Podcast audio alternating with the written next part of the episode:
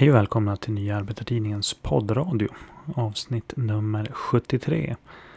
David Skasa heter jag. Och eh, idag så kommer vi faktiskt att ha ett eh, avsnitt i repris. Det är så att en av de större avslöjandena de senaste veckorna har handlat om att Sveriges Radio hemlighöll att en reporter på Ekot eh, inlett en relation med Rad al-Duhan. Han är ju son till den ökände Gävle-imamen Aborad och även dömd till utvisning i tre instanser som han anses utgöra ett hot mot rikets säkerhet. Han ingick i det nätverk med eh, wahhabitiska salafister, våldsbejakande islamistiska extremister, där eh, eh, Säpo slog till och grep sex personer under 2019. Eh, till saken då hör att eh, Sveriges Radios Ekot gjorde uppåt 15 reportage om fallen med de här sex personerna som eh, greps av Säpo och utvisats i tre instanser. Och den journalist som nu har avslöjats har inlett en relation med Radal Duhan stod bakom majoriteten av de här reportagen. Och eh, när det framkom då att journalisten hade inlett en relation med Radal Duhan så fick hon lämna sin anställning på Sveriges Radio. Men hela den här affären som är väldigt allvarlig har eh, Sveriges Radio av allt att döma helt enkelt försökt sopa under mattan. Eh, fram tills nu då när eh, stiftelsen Doku som granskar den här typen av våldsbejakande islamister eh, avslöjade att eh, journalisten haft en relation med Rad al-Duan. Eh, det, det, det avslöjades också att eh, reporterns mamma, hon hade och skrivit brev till försvar för Rad duan till eh, ministern eh, Morgan Johansson. Och idag så är eh, duan skriven på mammans lägenhet i Stockholm. Så att det här är ju ja, det är som en härva som har avslöjats då av stiftelsen Docke. Och i avsnitt 6 av våran podd så gick vi igenom de... Vid tillfället var det fyra personer då som Säpo gripit. Och mest tid la vi ner på att beskriva Radal Duhan och Radal Duhans verksamhet. Både i Umeå och Gävle. Och i och med att det här avsnittet helt plötsligt har blivit högaktuellt så väljer vi att sända det i repris. För att helt enkelt berätta om vilken typ av person den här Radal Duhan är. Eh, så innan vi sätter igång så vill jag påminna om att vi gärna tar emot bidrag till vår poddradio. Om du tycker att det vi gör är bra får du gärna swisha oss en femtelapp eller ja, vad du vill. Antingen mer, antingen mindre. Eh, numret är 123 504 7105. Alltså 123 504 7105. Och numret finns ju även att läsa i beskrivningen till avsnittet som vanligt. Då kommer det då avsnitt 6 i repris av Nya Arbetartidningens poddradio. Demokratin i Sverige. Vad är det för personer egentligen som Säpo har gripit? Ja, jag vill börja med att understryka att det endast är en minoritet av muslimerna i Sverige som delar den tolkning av islam som de gripna har. Och det är en salafistisk tolkning. Mm. Den har vuxit snabbt men det är fortfarande bara en minoritet som delar den. Just det. Hur, på vilka sätt har det här tagits uttryck då? Vad har till exempel den här Aborad? Hur har han... Eh, ja, alltså Aborad han har ju exempelvis hyllat Islamiska statens militära framgångar i Irak 2014. Han sa i, eh, på Facebook. Bröder och systrar, be till Allah om stöd för deras sunnisyskon i Irak.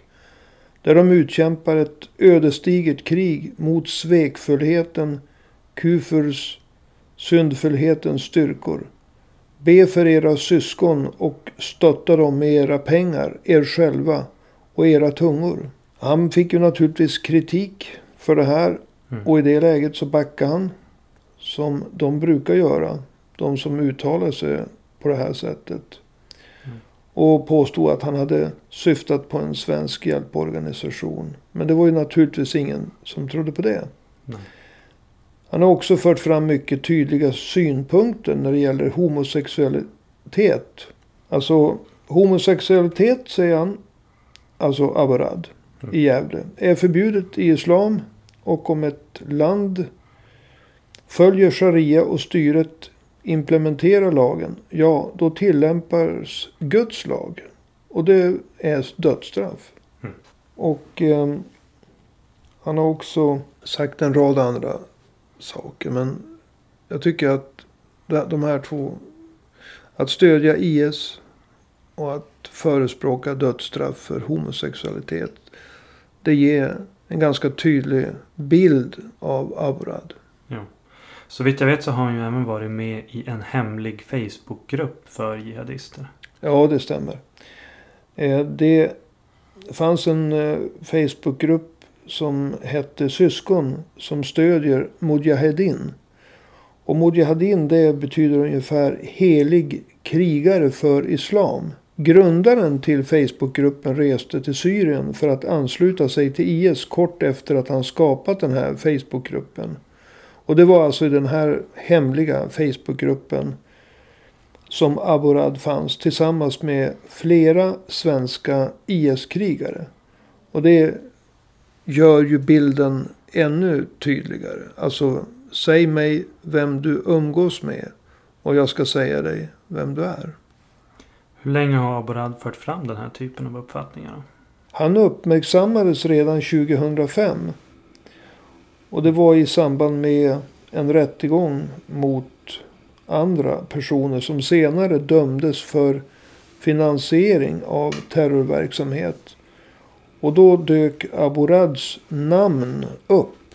Och det var i samband med att han hade gjort i moskén in pengainsamlingar till de efterlevande. Han hyllade alltså självmordsbombare. Och eh, samlade in pengar till deras efterlevande. Så det var där han uppmärksammades första gången 2005. Så att han har varit igång ett tag. Jo. Kan du säga något om de två andra imamerna? Han i Västerås brukar beskrivas som Aborads radarpar. Alltså de, eller som ett ja, mycket, mycket närstående. De, de beskrivs som ett radarpar. Och ordet hårdför har också använts om honom. Mm. Så att ett radarpar, de står för samma saker. Det är därför de är ett radarpar. Mm. När det gäller imamen i Umeå så vet jag betydligt mindre om honom. Men Mm. lite grann har ju kommit fram till exempel från terrorforskaren Magnus Ranstorp. I eh, den lokala tidningen här i Umeå, Västerbottens-Kuriren, så säger Ranstorp att i den moské som Umeå-imamen verkade i så fälldes det uttalanden om sunnimuslimernas överlägsenhet i förhållande till shia-muslimer. Och eh, Ranstorp nämner också att eh, Umebons, alltså imamen här i Umeå, att han har haft ett inflytande över personer som man brukar kalla för våldsbejakande extremister i den här miljön. Alltså jihadister. Mm. Vi ska ju återkomma till den fjärde gripne som är Aborads son. Men först så skulle jag vilja att vi gick in på det här nätverket av extremister som Aborad anses vara en central gestalt inom. Du påpekar att de bekänner sig till en minoritetsuppfattning inom islam som kallas för salafism. Skulle du kunna kort beskriva salafismen? Ja, man brukar säga att den uppkom i slutet på 1700-talet.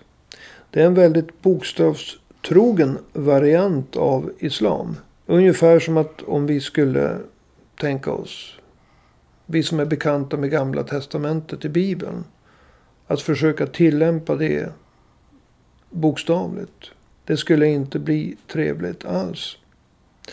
De vill alltså gå tillbaka till islam som man uttolkade islam under profeten Muhammeds tid. Och det var på 600-talet. Och de tre första generationerna som kom efter honom. Och då är vi någonstans på 700 eller 800-talet. Så vi är väldigt långt tillbaka i tiden. En variant av salafism det är wahhabismen. Och den utgör statsreligion i till exempel Saudiarabien och Qatar. Om man kollar på salafismen, är det en våldsinriktad muslimsk inriktning? Alltså här måste man hålla tungan rätt i mun. Det finns ingen automatik i att en person som är salafist också är en våldsbenägen jihadist. Mm. Som reser ner till exempel och ansluter till, sig till IS eller Al-Qaida.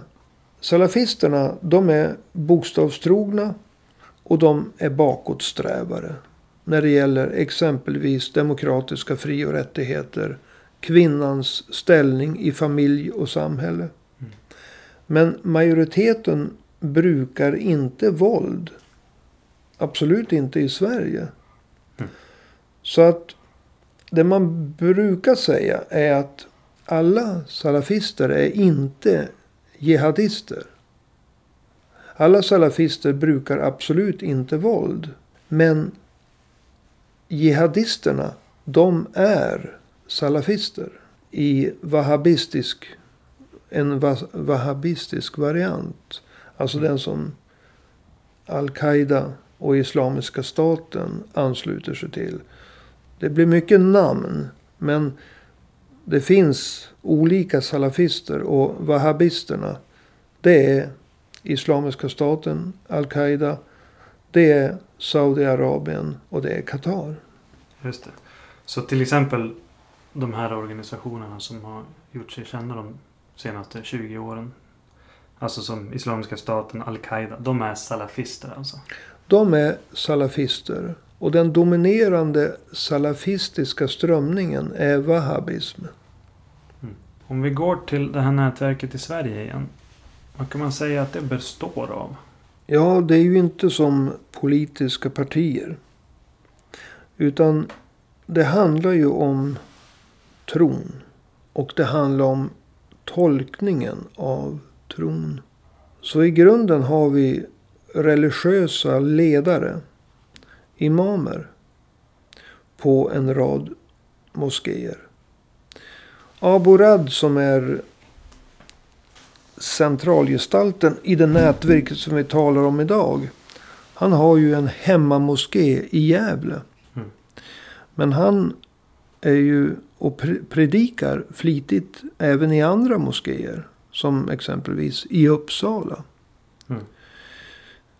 Men Sen så missionerar de också. Just det. Dava. Så i praktiken missionerande man. Eller eh, så här. Dava betyder att kalla till islam. Men vi skulle säga att man missionerar. Så att det är deras mer eller mindre uppgift. Att fara runt till, till så många moskéer som möjligt. Så man kan säga att det, kärnverksamheten är att de är en sorts missionerande eh, präster. Om man skulle använda kristna termer. De är missionerande präster mm. i ett land som Sverige. Där de absolut inte har statsmakten. Och vi hoppas att de inte heller någonsin får det. Va? Mm. De bedriver också skolor och förskolor. Och en så kallad vetenskaps, eller den så kallade vetenskapsskolan i Göteborg är en av de skolor som de, bedri, som de driver. De har också någonting som kanske mindre, är mindre känt på riksnivån. Men det är förskolor som man kallar för Bilal. Och det finns fyra Bilal-förskolor i Sverige. En i Gävle, en i Sandviken och två Bilal-förskolor här i Umeå. Mm. Och om jag får göra en utvikning. Absolut. Så um, när det gäller Bilal-förskolan i Gävle. Så fanns det en släkting till den centrala gestalten Aborad. Han hette Ale Alganas. Och han la ut en bild på sig själv. Med packad ryggsäck. Och i ryggsäcken fanns det instucket ett pass. Och på det stod det Islamiska staten. Och så en biljett till samma ställe. Och han eh, hade en kommentar om som, som löd någonting i stil med Låt Gud förverkliga detta. Och med det menar han upprättandet av ett IS-styrt kalifat. Och han jobbar på förskolan alltså? Han jobbade på Bilal-förskolan. Och man kan ju tänka sig hur orimligt det skulle vara om en person med de motsvarande våldsbenägna idéer skulle jobba på en vanlig kommunal förskola. Jo, det skulle bli skandal. Det skulle bli skandal, ja. Om vi tittar på nätverket då. Hur ser det ut? Alltså, rent, hur är det uppbyggt? Alltså vi måste gå tillbaka till Abu Rad. Mm. Den centrala imamen. Och så tänker vi oss att vi har en kärna som består av andra imamer. Som jobbar väldigt nära honom. Och deras teologiska, religiösa inflytande. Det lägger ett nät runt om i Sverige. På de orter där det finns moskéer. Med samma idéer. Där han och hans närmaste inbjuds att missionera, predika.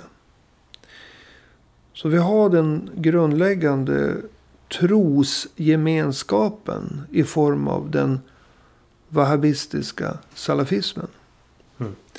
Till det så har vi ett annat band. Och det är att nätverket består av också personer som är släkt kring Abu Rad. Alltså dels det vi kallar blodsband. Alltså man är son, sonson, kusin, syster, dotter. Men också naturligtvis en rad ingifta personer i Abu Rads släkt. Mm. Och här har vi då personer som har hyllat Islamiska staten. De har rest ner till Syrien, Irak för att strida för Islamiska staten och återvänt till Sverige. Vi har personer som har gjort precis samma sak och dött i kamp för Islamiska staten. Mm. I den här kretsen finns det också personer som har blivit fällda för omfattande momsbedrägerier i en stor, stor härva. Det handlade om tiotals miljoner kronor för ett antal år sedan. Och det är många som tror att de här pengarna var till för att finansiera jihadism. Alltså väpnad kamp för exempelvis Islamiska staten eller Al-Qaida. Det är många som tror att pengarna skulle gå till det. Ja. Även om det kanske inte är så lätt att, att bevisa. Så det, det här är en beskrivning av nätverket. Den religiösa sammanhållningen. Den släktmässiga sammanhållningen. Och några av de personer och deras aktiviteter. Vilka städer är dominerande då? Finns de? Ja, som jag ser det. Och det här är ju byggt på nu vilka personer som har gripits. Så har vi ju Aburad som huvudperson. Hans hemmamoské det är ju den i Gävle. Men sen finns det ju då band framförallt till Örebro, Uppsala och Västerås. Men även till Umeå. Och det skulle jag vilja säga är kanske, kanske kärnan där. Men det finns också kopplingar till Stockholm, Uppsala och Malmö. Det är ju stora städer så att det är nästan oundvikligt att, de, att det finns band dit. Och vi har Landskrona. Visst har de kopplingarna även till Göteborg? Ja, jag glömde Göteborg. Det tillhör ju huvudorterna. Alltså Gävle, Örebro, Göteborg, Västerås och Umeå. Du, eh, du beskrev att de har missionerat. Alltså det som heter Dawa. Och att de beskriv, bedriver olika skolor. Förskolor. Jag tänkte vi skulle ta och gå in på ett annat sätt som de har arbetat på. Och då kommer vi också in på den fjärde personen som Säpo har gripit. Alltså imamens son. Han heter Rad al-Duhan. Mm. Alltså, det handlar om att bygga upp nätverk. Ett så brett nätverk som möjligt mot ungdomar. Mm. Den här Rad Alduan, han arbetade i Umeå i åtta år. Det var från 2006 till 2014. Och han drev hela tiden olika projekt som riktade sig mot just ungdomar. Bland annat en boxningsklubb. Och han riktade framförallt in sig på invandrarungdomar. Ungdomar på glid.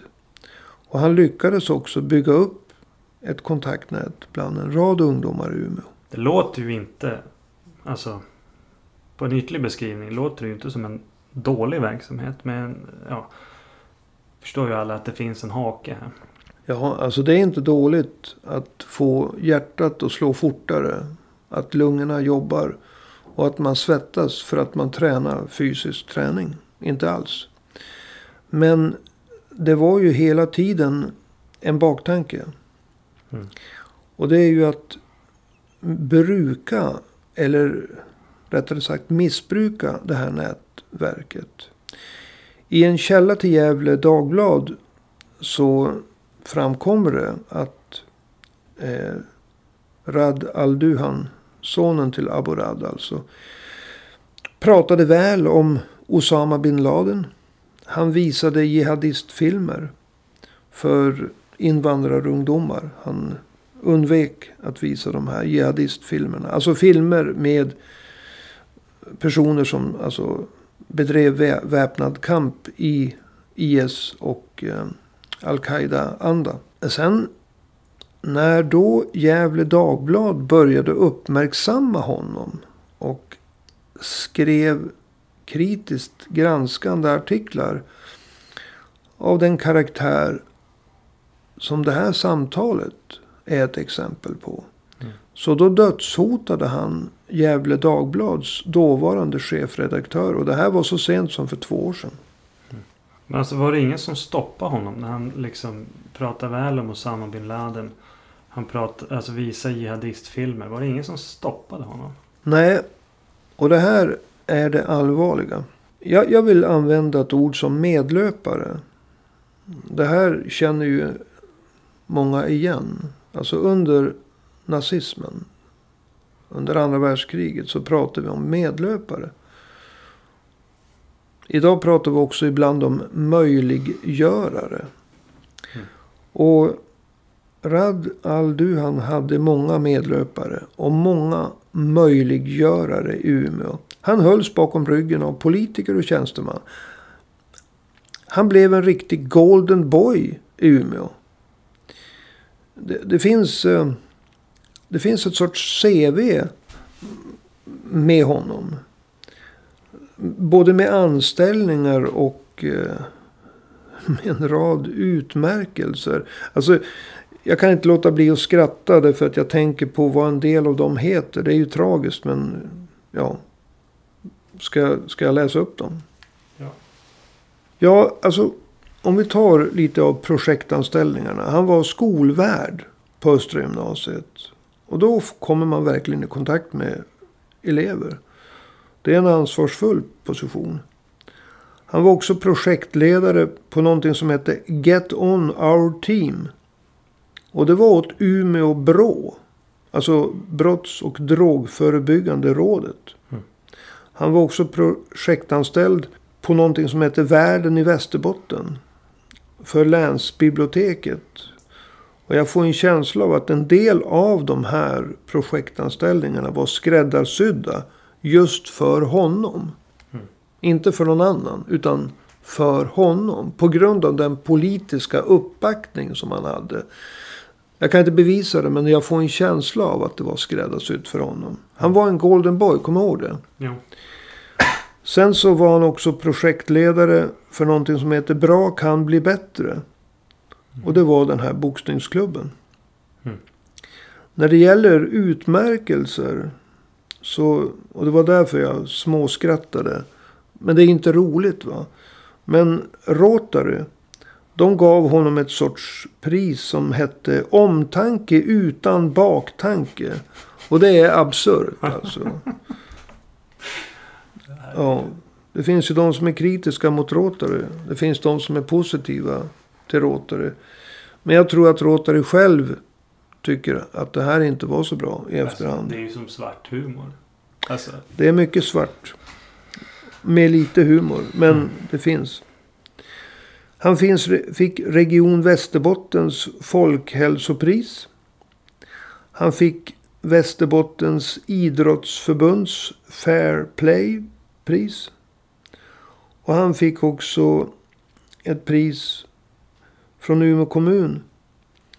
För som ja, gott exempel när det gäller arbete med funktionsnedsatta.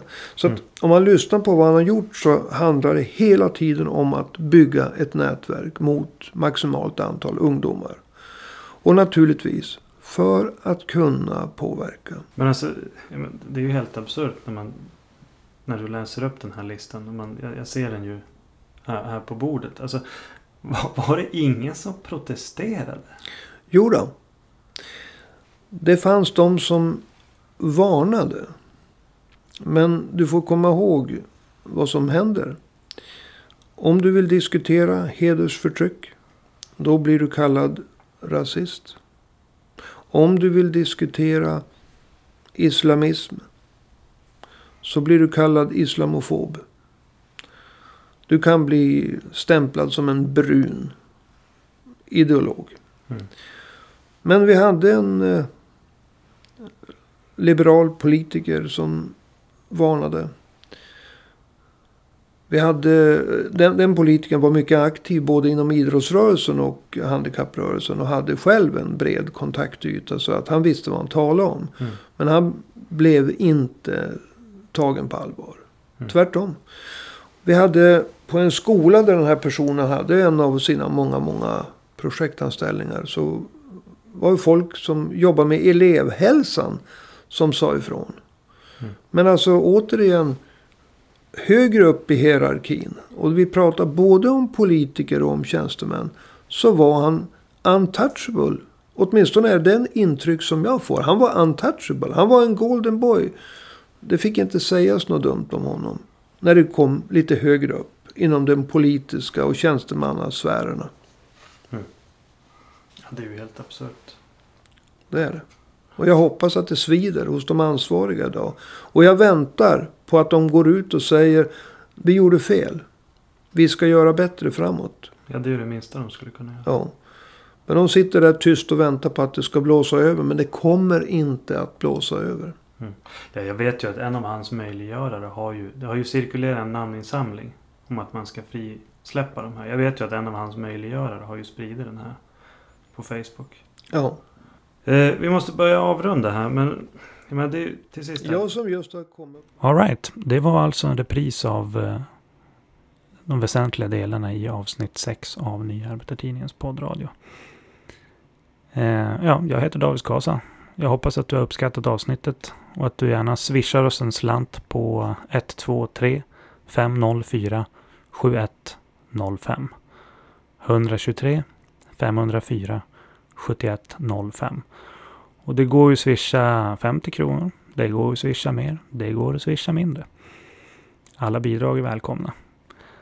Och eh, ja, vi hörs igen eh, nästa vecka. Tack och hej.